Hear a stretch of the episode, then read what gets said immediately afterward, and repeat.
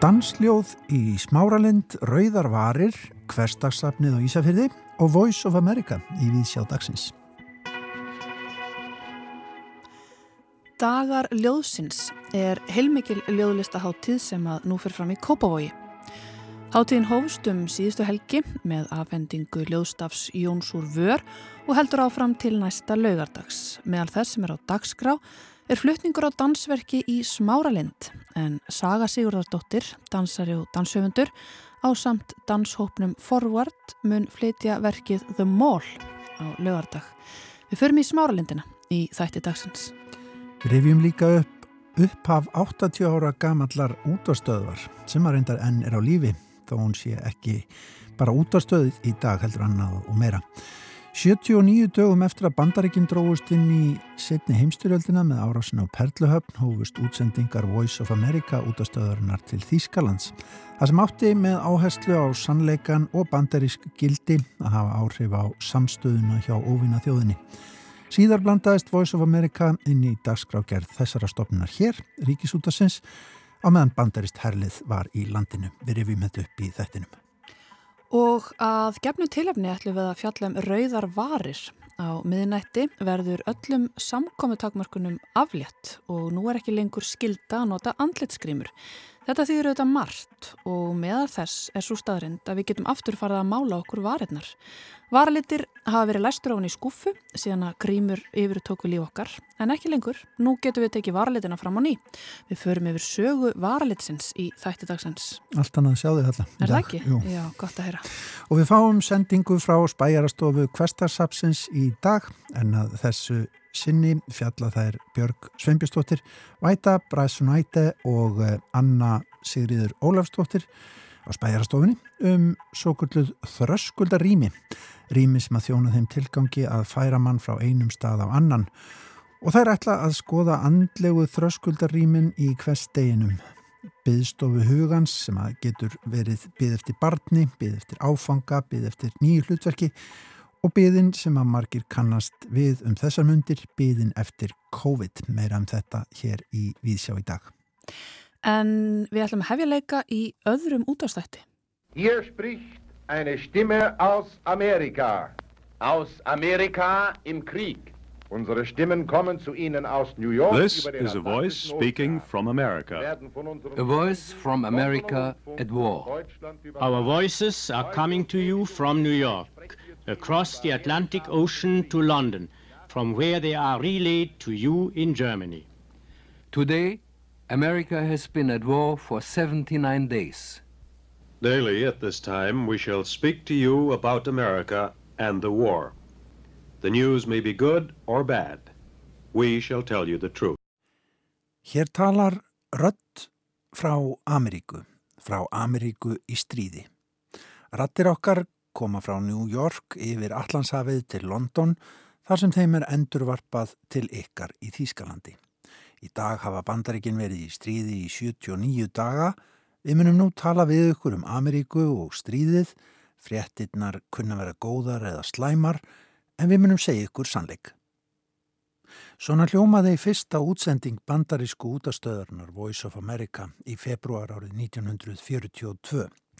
Og það er eitthvað sem er einhvern veginn satt við það að þarna vanti síðasta hljóðið í orðið trúð, sannleika. Því að í stríði eru fjölmiðlar vitanlega nýttir í áróðuskinni eins og mýmörg dæmi eru um bæði fyrr á tíð og á þeim dögum sem við nú lifum. Og þessi ríkisrekna bandariska stöð, Voice of America, er ennviðstörf, stærsta og elsta alþjóðlega útastöðin sem bandaríkin fjármagna. Í dag eru það ekki gamaldags stuttbylgjusendingar sem að stöðin stendur fyrir, heldur framleiður hún vefefni, sjónvasefni og útvarp á hátt í 50 tungumálum sem er jafnframt dreift í gegnum viðtakt net samstarfstöðva um heiminn og kemur kannski minnst bandarækjumannum sjálfum við.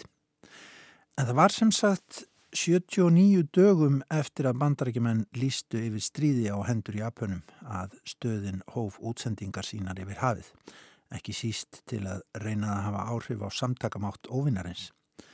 Reyndar hafði slíkt viðbrað hafist nokkru fyrr eða árið 1940 þegar bandarískum stuttbylgjusendingum yfir Suður Ameríku var komið á fót til að stemma stigu við áróðri nazista þar. En formlegar útsendingar til Þýskalands sem við herðum þarna hófust fyrir 80 árum í februar 1942 með vilja og vitund bandarækjafósita Franklin Delano Roosevelt. Aukinn kraftur færðist svo í starfseminna um mitt ár 1942 þegar stríðsupplýsingastofa bandaríkjana, Office of War Information, tók við rekstri út af stöðurinnar og náði samkommulagi við Breska ríkisútvarpið um betra endurvarp efnisins um Evrópu. Til Asíu hafði útsendingum verið stjórnað fyrst frá Kaliforníu, síðan Hawaii og loks Philipsheim þegar bandaríkjaman höfðu náð þeim á sitt vald. Í stríðslokk voru tungumálinn sem nótu voru við dagskrágerðina orðinum 40 talsins og starfseminni engum stýrt frá New York og San Francisco. Og slíkt efni barst líka til Íslands. We open our program with Marie Marcan singing the Icelandic National Anthem.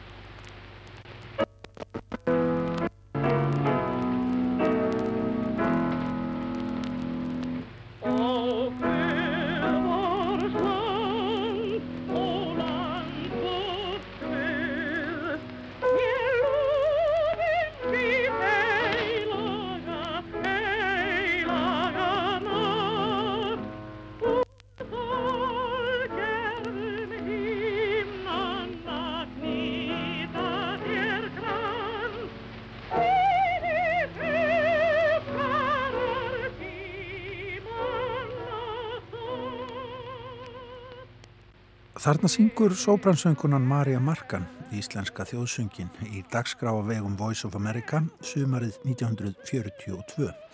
En veturinn 1941-42 var Marja Markan starfandi við Metropolitan-óperuna í New York.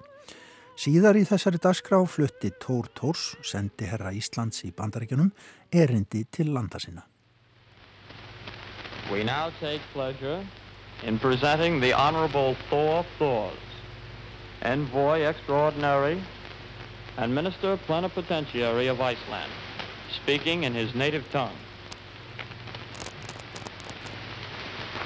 Góðir Íslandingar, í dag hinn 7. júli er eitt árliði frá því að ameríska herliði seg fæti á land á Íslandi sem að taka sér hervend landsins meðan á styrjöldinni stend. Engum Íslandingi landaði sá hugurum að hér var að ske stórkostlega sögulegur viðburð. Þetta ár sem síðan er liðið hefur sannað það hversu sögulegur, atbyrður og þýðingamikill þetta var.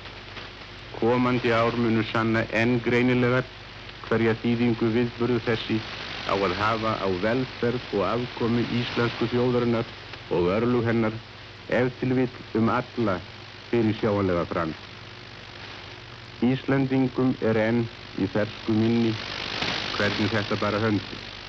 Íslensku ríkistjórnin var skipt því að breska herliði skildi hverfa brott af Íslandi því að þess var í þarf annars þar. Breta láði jafnsamt áherslu á nöysið þess að Ísland væri vel varið hernaðlega. Jafnframt var það vitað... Já, það er ekki alltaf góður hljómur á þeim upptökum sem sendar voru hingað til Íslands á stríðsárunum af Voice of America reyndar er aðeins hluti þeirra til hér í safni Ríkisútasins.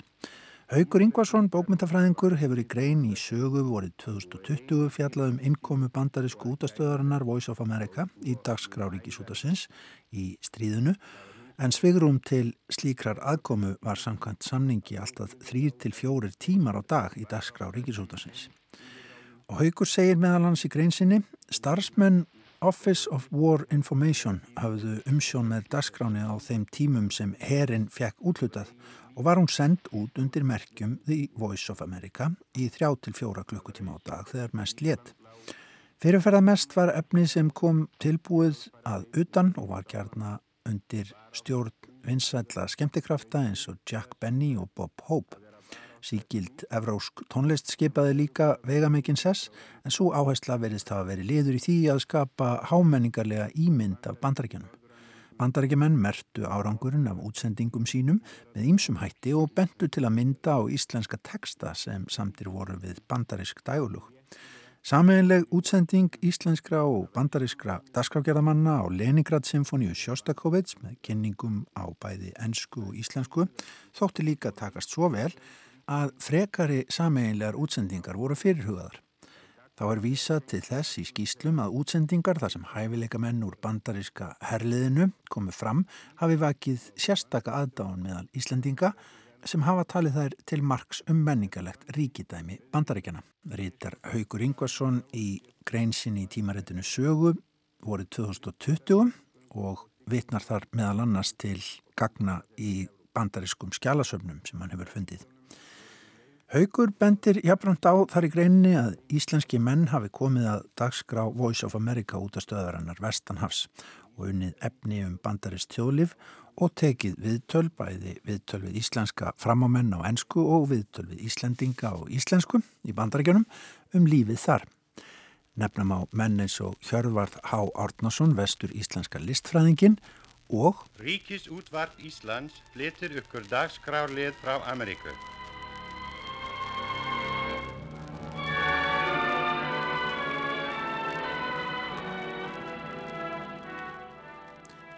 Benedikt Gröndal, ungan bladamann af Alþýðublaðinu sem namn sakfræði við Harvard Háskóla með góðum árangri. En í grein sinni regur haugur hvernig Benedikt sendi stríðs upplýsingaskrifstofunni bandarískum sem að held út í Voice of America í stríðinu upptökur þar sem hann lísti upplifun sinni af lífinu í New York á íslensku. Upptökurna enduðum í dagskrá Ríkisútarsins og eru enn til í afreiti af plötum.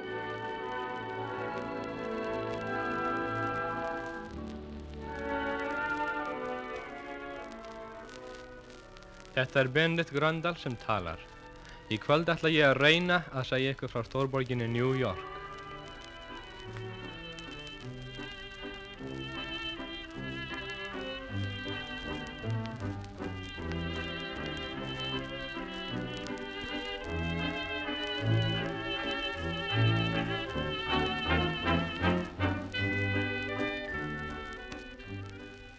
Ég hef búin að vera hér tæplega viku og hef haft að döðþreyttur á hverju kvöldi því að ég hef farið víða og séð margt.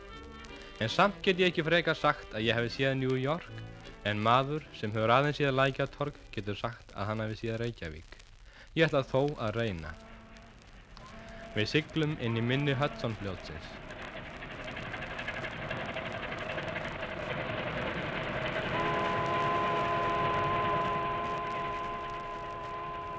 Littlu fossarnir okkar sigla upp eftir Hudsonfljótinu upp að Manhattan, eiginni sem hefur að geima svo mörg af förðuverkum nútímans. Þessi eigi er hjarta New York borgar og á henni eru öll mannvirkinn sem borgin er frægust fyrir. Eigin er á milli Hudsonfljótsins og Austurár eða East River, 22 km laung, rösklega 4 km þar sem að hún er breyðust.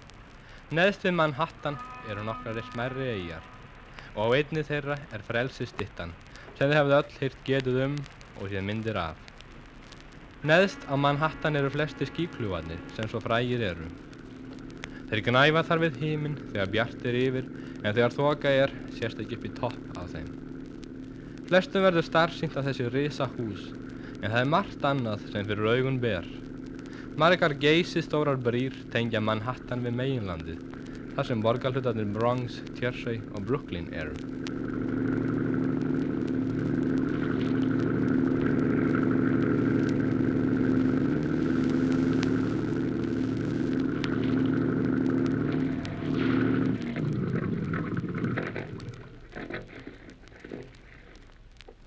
Fossarnir okkar sigla undir sumarbrýtnar og leggjast við skítugar bryggjur sem eru þarna hundruðum saman. Við skulum ganga á land og inn í borgina. Við þurfum ekki langt að fara til að gleima sjó og skipum því að nú ber margt fyrir augu sem vekur forvitni hins ókunnuga. Neðst á Manhattan, þar sem flesti skíkljúarnir eru, eru gödurnar mjóar, flestar svipaðar gödunum okkar heima í Reykjavík, en þegar ofar dregur og lengra er komið inn í borgina, brekka þær smá saman og verða reglulegri. Það verða svo reglulegar ef satt skal segja að undravert má heita. Þær eru beinar og liggja hornrétt hver á aðra. Svo er þar kallaðar götur eða avenjú þegar það liggja langsum, en stræti, strít þegar það liggja þversum. Hver gata og hvert stræti hefur svo sitt númer og eftir þeim er engin vand að rata.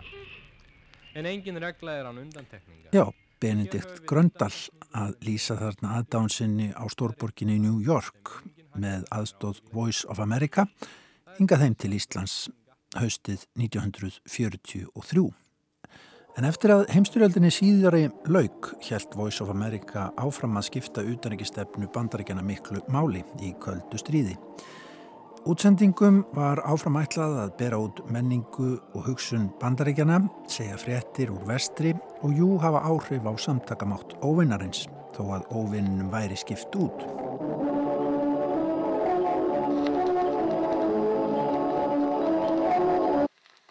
Americans know the power of radio. We are using this power in the struggle against communist imperialism through the voice of America.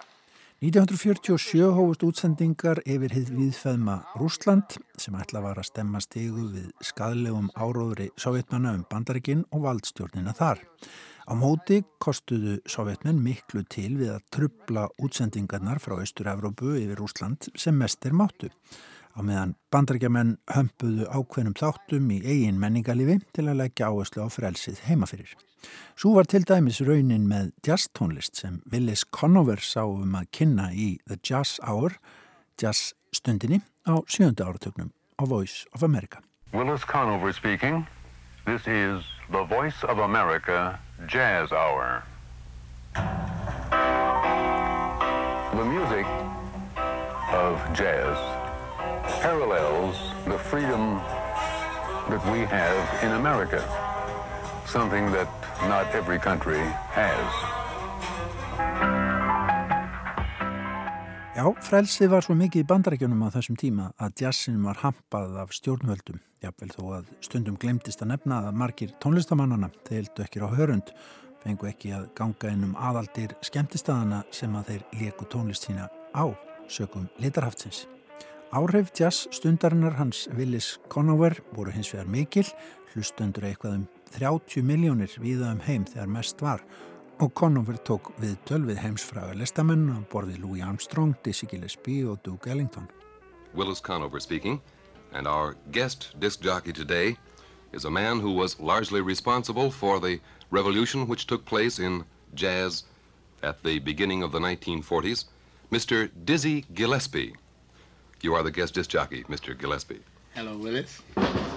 Needless to say, that it's a pleasure to to be broadcasting to my all of my jazz fans over in Europe, Africa, Australia, maybe, and Asia. You know, it's uh, the the greatest criterion of jazz. I figure is. Um, is how does it stand the uh, time? See, because uh, that is the only way that you can judge, actually judge good jazz, uh, whether it will last. If you make a record now, will it be good uh, 10 years from now? Jazztónlist er tæpast stór hluti af dasgrágerðinnar áttræðu Voice of America í dag en á netinu á vefsíðinni voanews.com má finna fjölmarkar rásir, útvars- og sjónvarsrásir Voice of America á fjölmörgum tungumálum. Markmiðin, eins langt og þau návitanlega, eru ennsvipuð að viðhalda bandariskum gildum og tala fyrir bandarist samfélag, stopnarnir og stjórnmöld í heilt. Og jú, segja sannleikan ef það er á annar borð hægt í samtíma okkar.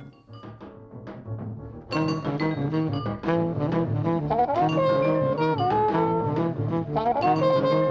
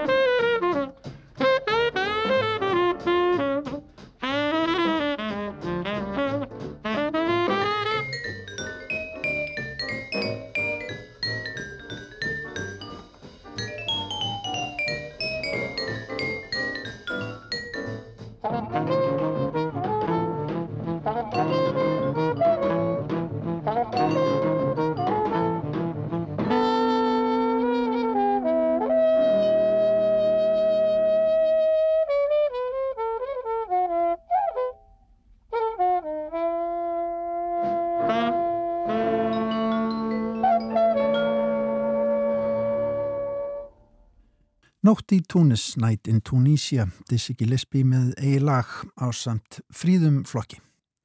En þá er komið að sendingu frá spæjarastofu hverstagsapsins á Ísafyrði. Að þessu sinni fjalla spæjararnir um þröskuldarými.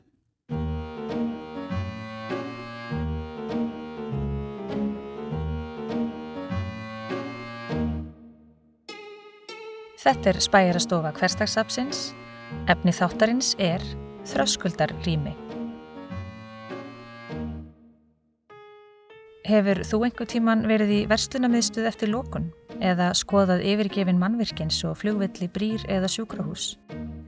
Rými sem vanalega yða af lífi og þjóna þeim tilgangi að færa fólk frá einum stað til annars en þau eru standa tóm, tegist einhvern veginn á þeim. Veggir, húsbúnaður og fletir verða sínilegri og orkan sem rýmið sapnaði í sig er allt um líkjandi. Þetta kallast þröskuldarrými eða liminal spaces.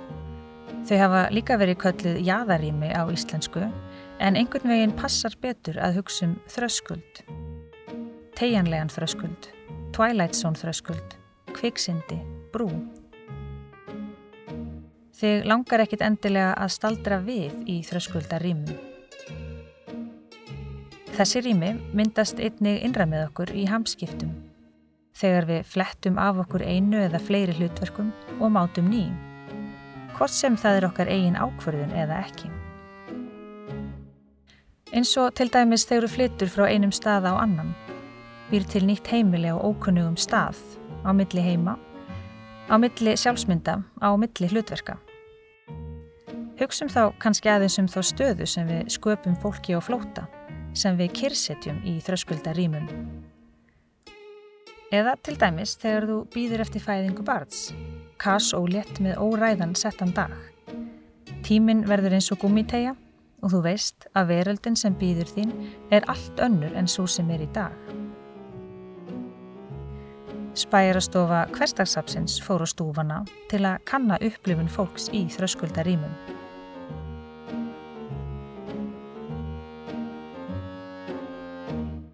Brátt verða stór tímamót í lífi Guðmundar Magnúsar Kristjónssonar hafnarstjóra á Ísafyrði er hann fer á eftirlaun eftir að hafa verið á vinnumarkaði frá 15 ára aldri.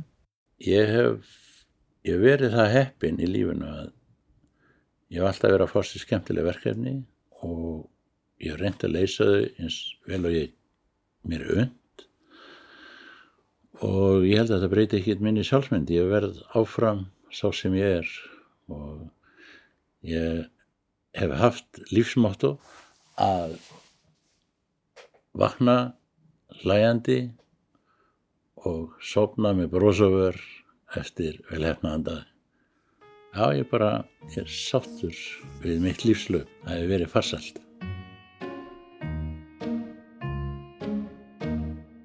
Ég byrjaði 15 ára gammal, atvinnusjómaður. Í stýrimannskólan eins og margir ungir menn á verstuð, ég er bólvíkingur, alin upp á kampina þar. Og síðan líkur leiðminn sem stýrimaður, síðan skipstjóri, síðan er, kemur tímabil í mínu lífi þar sem að ég vinn mikið erlendis og er í, í fjórum heimsálum ef ég tel Norður-Európu með. Ég er í Suður-Ameríku í þrjú ár, ég er í Afríku í þrjú ár og ég er í, í Suðustur Asju í þrjú ár og þá var ég að vinna við mentunaprógram, ég geti kallað það, svona, svona mentunaprógram fiskimanna, mjög skemmtilegt starf og yfirgriðsmikið. Það kannski að ég hafi hugsað um það á tímabilið, ég hætti sem skipstur á fristitóra og fyrir til Suður Ameríku að vinna við allt annað verkefni.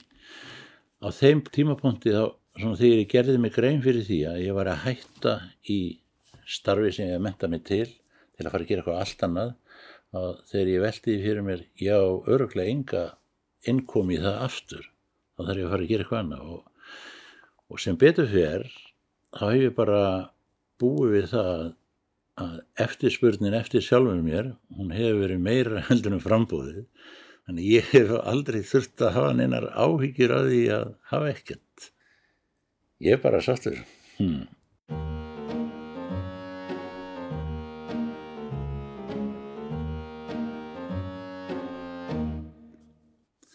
Svo líka horfi ég til þess að það er alltaf margir í kringum mig á mínum aldri sem hafa verið að hlakka til eftirlegin árana og hafa tímiður ekki náðið þeim. Og bróði minn er einn af þeim.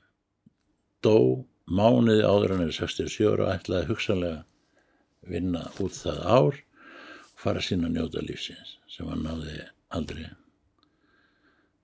Og það er bara því miður alltaf margir svona í kringum sem hafa lendi í því að og það getur vel verið ég lendi í því sjálfur þá er það bara, ég stjórnaði ekki. Það var bara verður það en ég stefnaði að eiga langaði frumöndan gera það sem ég langar að gera Þannig að hérna, ég bara, já, tilfinningin fyrir því að, að fara að hætta að vinna er tillökun.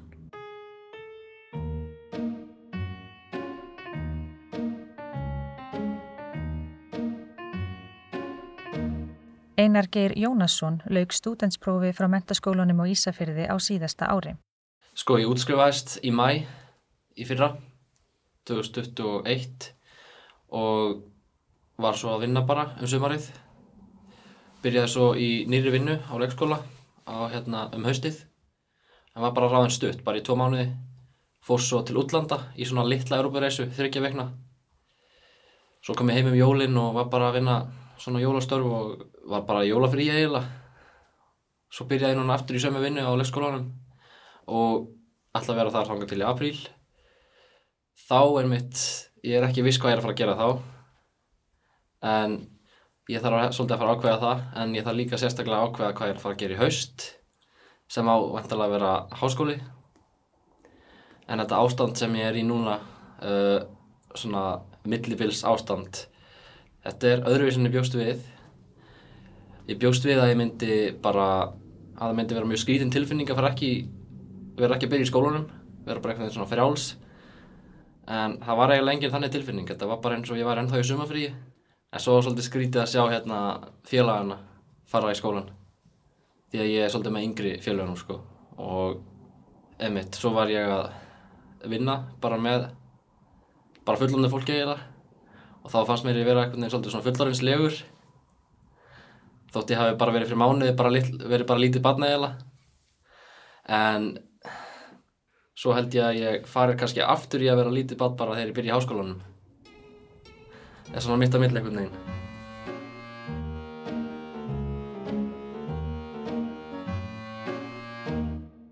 Hver einasta hluti sem ég eftir að gera núna munur örgulega, þú veist, fylgja mér bara alveg og þú veist, hver einast ákvörðin verður bara mjög stór ákvörðin á þessum tímumúti þannig að mér líður svona svolítið eins og ég þurfi að vanda mig í öllu sem ég geri og allar ákvarðanir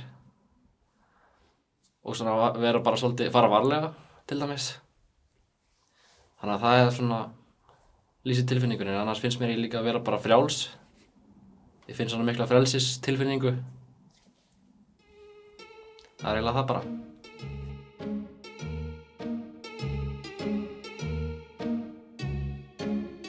Roberta Sopparæti starfar sem bókavörður í Sapnahúsinu Ísafyrði Þeir sem hafa komið á bókasafni í Ísafjörði vita að það er til húsa í safnahúsinu eða svo kallega gamla sjúkrahúsinu.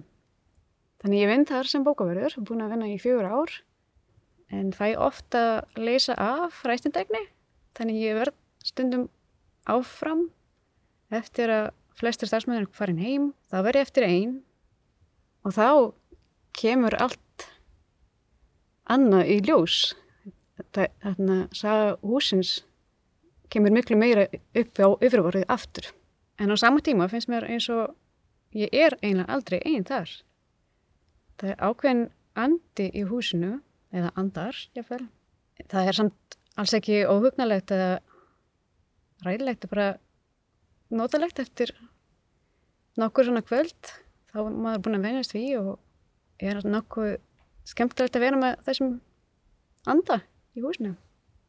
Og þá ég telji mig vera svolítið nokkuð skynsam mannesku, þá man ég alveg eftir að hafa hugsað að hvort þessi andi var til ég að hlusta með mér og Bob Dylan eða eitthvað annað, svona klassíska tónlist frekar.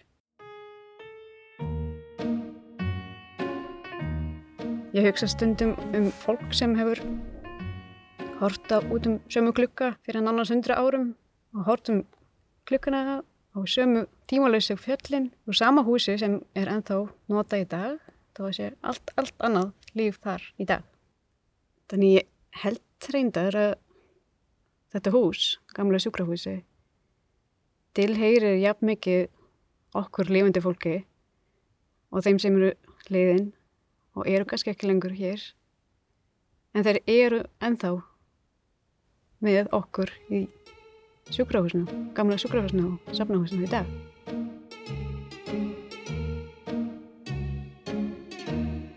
Og þegar ég er útlendingur á Íslandi og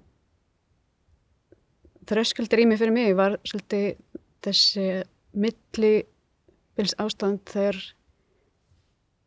ég komst ekki lengur upp með enskuna en var ekki orðin færi í íslensku þá leiði mér bara rosalega illa því þá fannst mér að ég vera hverki milli tungumála og einlega hverki og vera svona börsunuleika laus eða fannst mér það.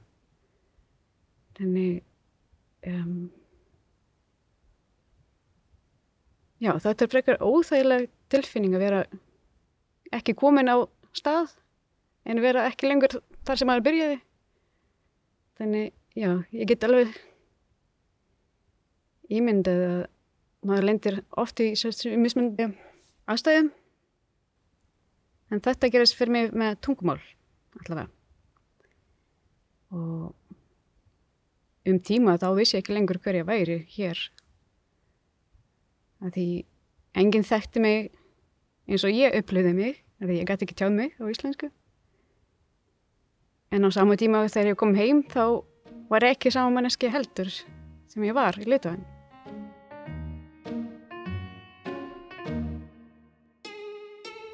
Við þökkum viðmælendum fyrir að veita okkur þessa einsýn. Við höfum eflaust öll upplifað einhvers konar veru í þröskuldarímum í þessari byðstofu innra með okkur. Gangi okkur öllum vel að vera.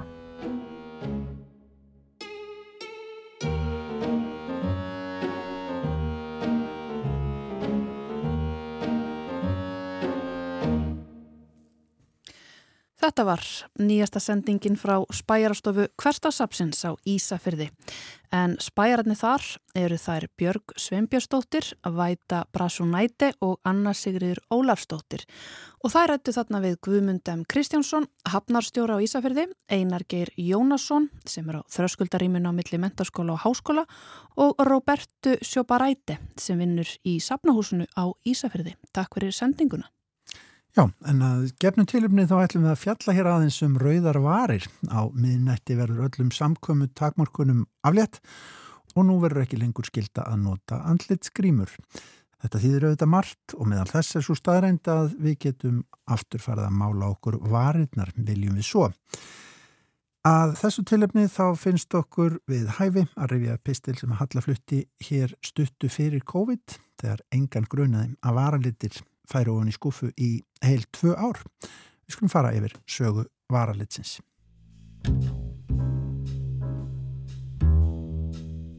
Rauðarvarir geta og hafa þýtt svo margt.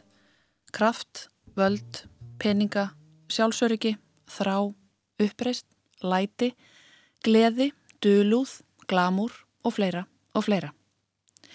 Valdamiklar konur og karlar hafa í gegnum tíðina nota rauðarvarir til að taka sér meira pláss og konur í uppreysnarhug hafa nota rauðarvarir til að virkja baráttuandan og ebla samstöðukraft.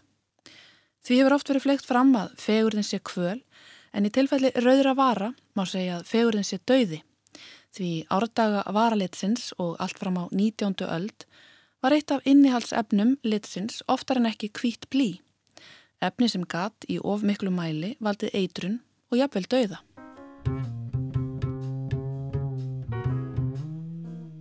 Mesopotamía hefur oft verið kallið vakka síðmenningar en þar hófst ríðdöld á tímum Súmera um 3000 fyrir Krist.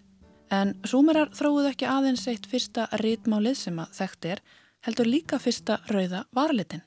Í súmersku borginni Úr við botn Persaflóans rið drottningin Pú Abi ríkjum um 2500 fyrir Krist. Gröf þessarar merku drottningar er svo ríkulegasta sem fundist hefur frá tímabilinu en hún hafði meðal annars að geima höfuðkúpur 5 hermana og 23 þjónustumeja sem höfðu verið drepin með eitri til að þjónusta drottningu sína í næsta lífi. Aug líkamsleifa var í gröfinni að finna gull og geimsteina, kórunu og rauðan varalitt. Púabi litaði vari sína rauðar úr blöndu af kvítu blíi og muldum rauðum steini og vitað er að súmerska hyrðin tóku upp þessa tísku því fjölda grafreita hátt settara súmerskra kvenna hafa fundist rauðir varalitir, náttúrulega kremblanda sem geimt var í litlum kúftum skelljum. Tískan fór svo á flug frá úr og yfir til þess staðar sem að kallast Sýrland í dag en þar hafa varalitir fundist í gröfum begja kynja. Frá Sýrlandi náði tískan til Egiptalands þar sem að bæði karlar og konur af efri stjættum máluðu vari sína rauðar. Því varaliturinn var merkið um stjættarstöðu og hafði ekkert með kyn að gera á þessum tíma. Rauðarvarir mertu fyrst og fremst auð og völd. Kleopatra letvist ekki sjá sig án rauðra vara en hennar litur var ekki blandaður úr steinum, heldur krömdum skortýrum, vaksi og rauðum júrtalitt. Grykkir voru ekki hrifnir af andlitsmálingu og nágrannar sínir í Egiptalandi og kvorki karlar nýja konur af valdastjættum settu lit á vari sínar. Grískar konur lita á sér hárið en engin kona notaði varalitt nema hún inni við að selja sig. Vændiskonur notaðu allar rauðan varalitt og voru meiri segja sett lög sem skilduðu þær til þess að merkja sig á þennan hátt. Færu vændiskonur út á meðal almennings án rauðra vara var þeim refsa fyrir að reyna að blekja karlmenn og þykjast verið eitthvað annað en það raunverulega voru. Þetta við þór til andlitsmálingar, það er að hún þjóni frekar þeim sem að horfi, heldur hún að þeim sem að beri, átti eftir að verða langlýft. Rauðarvarir komu og fóru innan efri og lagri stjætta En á hennu myrku miðaldum tók kirkjan fyrir allar rauðar varir. Þær voru augrun við fullkomið sköpunarverk Guðs almáttugs. Til eru þó nokkur dæmi úr myndlistarsögunni þar sem að sjáum á djöbla mála rauðar varir á konur sem urðu þannig með sínum rauðu vörum eins konar holdgerfing djöfulsins. En konur leituði vist hinn að ímsu leiða með hjálp náttúrunar við að lita varir sínar. Til eru ítalskar heimildir frá 13. öld sem segja frá því hvernig ekki svo guðrættar efri stjættar konur máluðu varir sinnar ljósbleikar á meðan konur af lagstu stjættum máluðu þær í dimröðum lit. Fram yfir endur eistn og síðar síðaskipti heldu andans menn áfram að gaggrina rauðar varir, nokkuð sem að Elisabeth Englandsdrottning hinn fyrsta let ekki mikið á sig fá. Elisabeth fyrsta elskaði rauðar varir og er sagt að hún hafi trúað á töframátt rauðalítarins að hann geti jafnvel vendað hanna gegn dauðanum. Nokkuð kaltænisleg trú í ljósi þess að á þessum tíma var ennótast við kvít blí til að blanda litin. En Elisabeth var eina þessum konum sem var alltaf með rauðarvarir og sem var gerð ódöðleg í málverku með sitt kvíta andlit og blóðrauðu varir.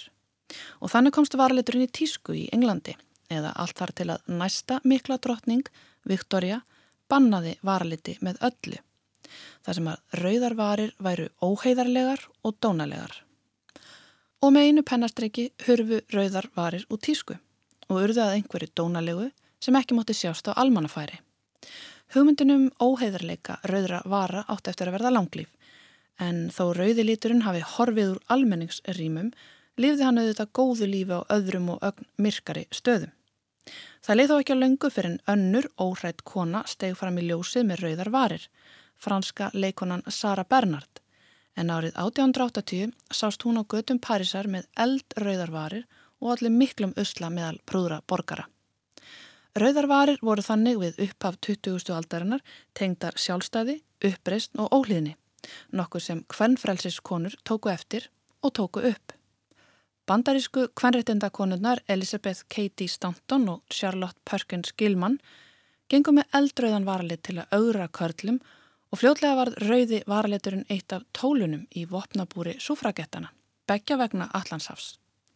Tól sem þar notuðu til að undistreka sér sjálfar.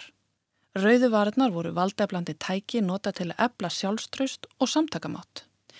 Sagan segir að þegar hópur bandarískra sufragetta stremdi út á götur New York borgar til að krefjast kostningaréttar árið 1912 hafi snirtaföru framleiðandin Elisabeth Arden staðið utan við búð sína og gefið þessum eldtugum rauðan varalit á litlum túpum.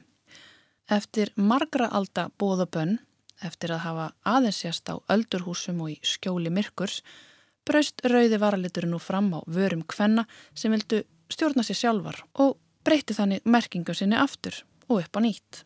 Konur af öllum gerðum og öllum stjættum sett á sig rauðan varalit og kröfðist þess að kjósa. Síðan þá hafa rauðu varirnar ekki farið neitt og líkt og ég myndist á, hér í upphafi, það ávist hver svo kona sem á annaborð kaupi sér snirtefurur að minnstakosti einn rauðan varalit, þó svo notan aldrei. Og rannsóknir hafa reynda líka sínt fram á aðra áhugavera staðrind og það er að sala á rauðum varlit eikst á krepputímum. Þetta sína sölutölur en þetta getur samt engin almennilega útskýrt. Hvers vegna eigðir fólk í annanins óþarfa þegar kreppir að?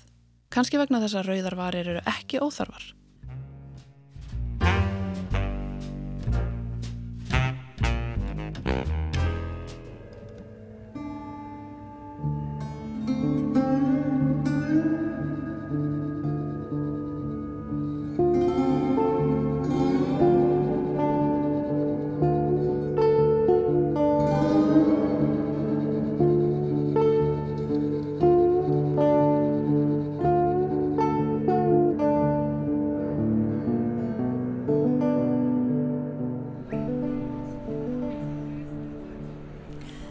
Það er heilmikið um að vera í Kópavogi þessa dagana. Dagar ljóðsins standa yfir fram á næsta sunnudag með allskynns uppákomum. Meðal það sem er á dagskrá er fluttningur á dansverki í byggingu hér í Kópavogi sem við kannski kennum vanalega við annars konar menningu en ljóðlist og gjörninga. En uh, Saga Sigurðardóttir, dansari og danshöfundur, Hún ætlar að flytja hér á samt danshóp uh, verkið The Mall. Skemmtileg umhverfsljóð hérna í grunninu. Við saga sittum hérna saman í leðursófa fyrir utan dressmann og höfum það bara ansi notalegt, ekki satt? Jú, ég myndi segja það Já. fyrir veljum okkur hérna og hérna ymmit eins, eins og við sögðum okkur á milli áðan þetta augnablik þegar maður lefið sér að setjast nýður í Vestlanum miðstöð þá verður svona verður einhver, einhver umpólun sko. maður sest niður í í annað, hérna, einhver aðra vít vestlunarmiðstöðarinnar en maður er annars vanur. Nákvæmlega, fyrir mér er vestlunarmiðstöðin eitthvað svona, svona inn og út verkefni. Mm. það fara okkur nákvæðin stað. En ég hef ekki um mitt sko maður fer, hérna, maður fer vanlengar til að kannski neyta, maður er að ná í eitthvað. Frekar en að njóta, ekki satt, eða hvað Jú, ætli það ekki, ætli flesti myndi ekki segja það nú vanalega. Um, en það sem mér finnst svo forvinnilegt er sko um þetta sem við gerum kannski óvart. Við komum yngað í einhverjum tilgangi með eitthvað markmið. Mm -hmm. um, svo gerist kannski eitthvað óvænt hérna eins og til dæmis um, einhver óvæntur dagdraumur eða einhver óvænt minning sem þú allt í fellur í og hérna ætlaði þér ekkert að gera. En hérna en það er svona það er það sem að uh, dansverkið, dansgjörningurinn eða dansljóðið, má kannski kalla sem að verður flutt hérna á lögadaginn það er það sem að hérna, við erum að svona, já, að snerta við erum að lefa okkur að falla í falla í svolítið ljóð hérna mm -hmm. inn í smáralindinni eða inn í, inn í dagdröfum mm -hmm. Allir því þá að byrtast hér eins og dagdröfumur kannski fyrir gerst á gangandi eða hvernig fer þetta fram? Segð mér frá þessu verki. Já, einmitt. Þetta, hérna, dansararnir byrstast hérna, kannski svolítið eins og túnfývill sem að er að springa upp úr hérna gangstjættar, upp, upp úr gangstjætt. Um, já, og við munum svona hérna eign okkur svæði hérna inn í smáralindinni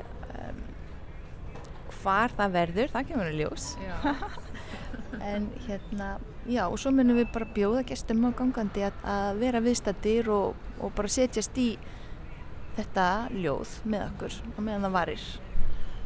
Ef við spáum aðeins í þetta rými, þetta er auðvitað alltaf magna rými til að flytja dansverki í eða dansljóð. Þetta er svo risastórt og það er mikið lýsing, það er flýsar á öllum gólfum. Um, er það að hugsa mikið um rými þegar það er að semja þetta eða hvernig er vinnuferðli búið að vera?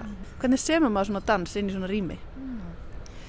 Sko þetta verk var uppöfnilega samið fyrir annað rými en úr sem í fjölskyldu fyrir Mhm. mjótina nefnilega fyrir tveimur árum síðan og uh, þá sko bara fyrst um sinn uh, þá fór ég á heimsóti mjótina svolítið með önnu gleru en ég var vönur og ég mitt settist niður horfði í kringum mig og hlustaði á rýmið og hérna horfði á fólki sem að hérna átti leiðum og fór síðan bara með þetta hugarými og þessa upplifun að hitta dansarana og við unnum svona, hérna, reyndum að vinna inn í þessu rými þótt við værum að vinna í, í stúdíónu þannig að við erum ekki endilega að vinna með arkitektúr rýmisins, við erum að vinna með eitthvað svona já, einhvers konar já, draumarými byggingarinnar Einmitt, meiri svona áferð og stemning kannski. Já, já, akkurat. En þú sjálf talar um að þú hafir, já, þegar þetta var flutt fyrst í tveimur árum í mjótinni að þú er svona gaggjart farðanga til að upplifa rýmið. Áttu ykkur að persónlega tengingu við verslunarmiðstöðar? Ertu verslunarmiðstöðar kona? Sko, já, ég skal bara alveg segja það vegna þess að ég hef átt mín góðu augnablík í verslunarmiðstöðum. Uh, ekki endilega tengt neyslu, vissulega hef ég líka alveg átt góðu móment þar. en hérna, en ég hef til dæmis, ég man eftir augnablíku í lífi mínu þar sem ég kom inga gaggjast til þess að bara, hérna, reyna að finna frið. Og ég hef líka upplifað líf í vestlunarmiðstöðum til dæmis um, bara annars staðar í heiminum þar sem að ég var mjög aktofa yfir því hvað var mikið líf og marglaga og hérna já og bara mikla dýft að finna í mannlífi inn í svona, inn á svona stað og hérna þannig að ég er heitluð að þessum stöðum. Ég held ég sé að heillast upp á nýtt bara á því að sita inn í sófanum með þér með þessar gerfi plöndur í kringum okkur og horfa á allt þetta mannlíf hérna. Það er, það væri alveg gaman að sita hér í allan dag og fylgjast með sko. En hérna verslunarmiðstöðar, já, ég mann þegar smáralindin kom hvað það var mikið mikið húlum hæ og kringlanu þetta, ég veit ekki hvort að þú mannst eftir því. Verslunarmiðstöðar er ekkert, þetta er ungt fyrirbæri í okkar menningu í rauninni. Já, já, ymmeitt. Það eru það sko og hérna ég hugsa, ég sé, sé þær sko alltaf sem einhvers konar hóf að þetta eru oft tilkomið mikla byggingar og vítti veggja og hátt til lofts og í rauninni fullt af rými fyrir andan sko að flögra um. Þótt að það sé kannski ekki endilega þess að maður tengi fyrst við hérna við, við, við titil við titilinn vestunarmiðstöð Einmitt, einmitt. Segðu mér aðeins frá þessum danshóp sem er að vinna verki með þér. Danshópurinn heitir Forward with Dance og hann skipa ungir og hæfileikaríkir dansarar sem að uh, fá tækifæri til þess að vinna verkefni, dansverk og verkefni með listamönnum og höfundum um, bara í ymsu samhengi og þetta er bara í rauninu óskaplega dýrmætt og, hérna, og fallegur vettvangur fyrir ung danslistafólk til þess að hérna, einmitt kynast listamönnum, bara spreita sig, taka þátt í verkefnum og, og, og vera í listinu og dansinum. En þú sagði að nú ert þú sjálf sjálfstætt starfandi dansari og höfundur. Hvernig gengur lífið og hvað er framöndan? Það gengur bara, geng, gengur bara þokkalega svona í februar með val. Um, já, ég er með hérna, sko ángana víða, bæði hérna, starfa ég með Íslenska dansfloknum um þessa myndir og, og starfa líka við Listaháskóli Íslands og hérna auk eigin verkefna sem að sem er náttúrulega svona eru, maður vonandi að fara að sjá e- öðlast einhver, eitthvað líf svona eftir hérna faraldur og ymslegt sem maður hefur náttúrulega haft mikið að segja fyrir okkur sjálfstæðstarfandis listafólk. En hérna, en nú er góðan komin. Bjartir tímar framöndan. Allar takmarkanir fara á miðnetti í kvöld og við getum fara að dansa og knúsast. Þetta fer fram hérna á laugadag, ekki satt? Jú, á laugadaginn klukkan 1 og klukkan 2 má eiga vona þessum túnfýbli hérna. Dagdraumar í smáralindinni, uh, The Mall kallast verkið, Saga Sigurdóttir. Takk fyrir að hitta mig hérna í smáralindinni og opna augum mín fyrir fegur hérna bara þessa rýmis. Takk fyrir. Takk sem leiðis.